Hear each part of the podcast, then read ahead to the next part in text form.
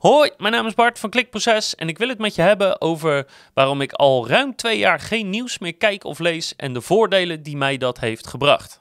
Welkom bij Klikproces met informatie voor betere rankings, meer bezoekers en een hogere omzet. Elke werkdag praktisch advies voor meer organische groei via SEO, CRO, YouTube en Voice. Ja, je moet je voorstellen, ik heb een ontzettend brede interesse echt in van alles en nog wat van natuur tot economie tot politiek.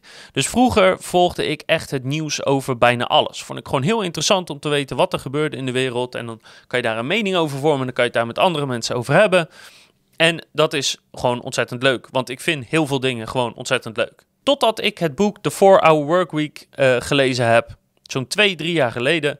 En die adresseerde specifiek het kijken van nieuws. Of eigenlijk gewoon het binnenkrijgen van heel veel informatie. En toen ben ik eigenlijk van gedrag veranderd.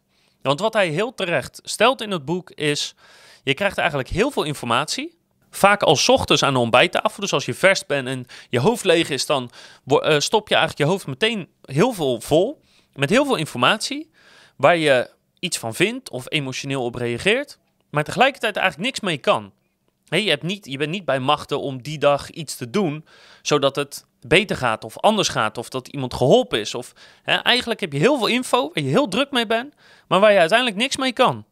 En daarnaast loop je nog eens het risico dat de informatie die je krijgt, hè, via het nieuws of via social media, maakt niet uit, dat die onjuist is of onvolledig is, of dat er bepaalde kleine details niet kloppen, of dus dat de informatie die je hebt ook nog eens niet alles is. Dus als je er echt een mening over zou willen vormen, dan moet je er eigenlijk in gaan verdiepen.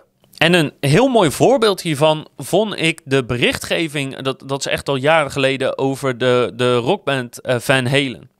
Want dat was groot in het nieuws. Die rockband had zulk diva-gedrag dat ze eisten dat er een kom met M&M's bij hun op de kamer was. Maar er mochten geen bruine M&M's in zitten. Dat stond specifiek in hun rider met een mooi woord. En een rider, dat is zeg maar de, de wensen en eisen die je stelt aan de organisatie waar je komt optreden. Dus bijvoorbeeld de Amsterdam Arena of uh, het Ziggo Dome. Nou, toen kwam het heel groot in het nieuws en het sloeg nergens op en uh, de roem is naar het hoofd gestegen, et cetera. Nou, en jaren later is er uitgekomen dat dat helemaal niet zo was. Hè? Uh, iemand had gewoon die rider doorgestuurd naar het nieuws, naar gelekt en dat zorgde voor een mooie koptekst. Maar er blijkt een strategie achter te zitten. Want de reden dat ze dat stukje in hun rider zetten, zei de band, is dat als wij op onze camera aankomen, dan is dat heel visueel zichtbaar. En dan kunnen we meteen zien, is die rider goed gelezen of niet?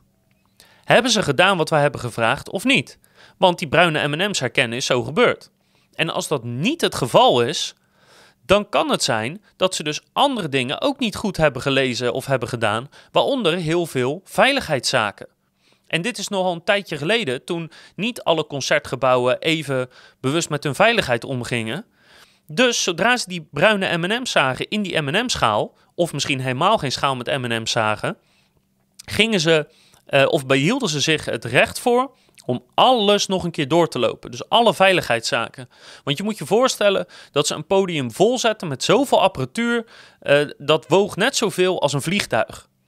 Dus gingen ze alles nalopen of de constructie het wel aankon, of alles wel klopt, of alles goed aangesloten was. Dus het was voor hun een hele simpele manier om te kijken: is de partij waar we nu zijn betrouwbaar of niet? Maar dat is nooit in het nieuws geweest. Hè? Dat kwam pas jaren en jaren kwam dat er pas uit. Uh, toen, toen de band dat zelf een keer vertelde.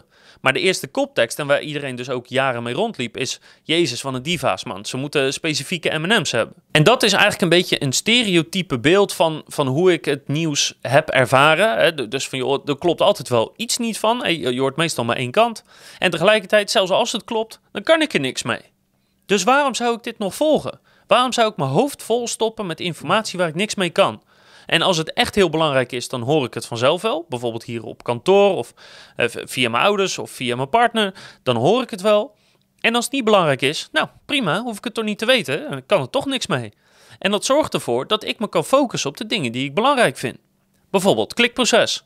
Of mijn gezin of mijn hond of wat dan ook. Het maakt niet uit. Eigenlijk is alles beter dan je heel druk maken over dingen die je toch niet kan veranderen. En het mooie is nog, ik heb er eigenlijk niks negatiefs aan ervaren. Ja, soms weet ik dingen niet. Nou, dan kan ik vertellen aan degene die het zegt. Hè. Die zegt dan, Jezus, weet je dat niet? Zeg ik, nee, uh, ik weet het niet. Maar vertel, ik ben benieuwd. Uh, wat is het dan? Of wat vind je ervan? Nou, en dan kan je het daarover hebben. Dus dat kan je zelfs zien als iets positiefs. En daarnaast heb ik dus wel eigenlijk meer tijd vrij. Maar los van de tijd ook gewoon een soort meer ruimte in mijn hoofd. Om me bezig te houden met dingen die ik zinvol vind. En wat ik dan zinvol vind, dat kan ik zelf bepalen. Dus hoewel het moeilijk is om uit te drukken in uren of percentages of productiviteit, zegt elke vezel in mijn lichaam dat dit een goede beslissing is geweest en dat ik het vooral ook gewoon niet meer moet doen, zodat ik me kan focussen op wat ik belangrijk vind en ik niet geleefd word door de waan van de dag van het nieuws. Dus ik kan je van harte aanbevelen om te stoppen met elke vorm van nieuws volgen. Uh, het enige nieuws wat ik nog volg is af en toe het nieuws in uh, vakgebieden van, van SEO, CRO, YouTube en Voice. En voor de rest krijg ik gewoon geen informatie qua nieuws meer binnen en dat bevalt prima. Dus ik kan je van harte aanbevelen, stop alsjeblieft met het kijken van nieuws. We gaan nu ook richting het einde van het jaar, dus misschien is het een goed voornemen voor 2020 om gewoon geen nieuws meer te volgen. En moet je kijken hoe je daarvan opknapt, want dan kan je lekker bezig zijn met de dingen die je zelf leuk vindt. Ik hoop dat je er wat aan hebt. En ik hoop natuurlijk dat je de volgende keer weer kijkt, luistert of leest. Want dan heb ik nog veel meer toffe klikproces stories met wat gedachtegangen van mij zoals deze. En natuurlijk wat leuke verhalen over uh, wat er bij klikproces aan de gang is.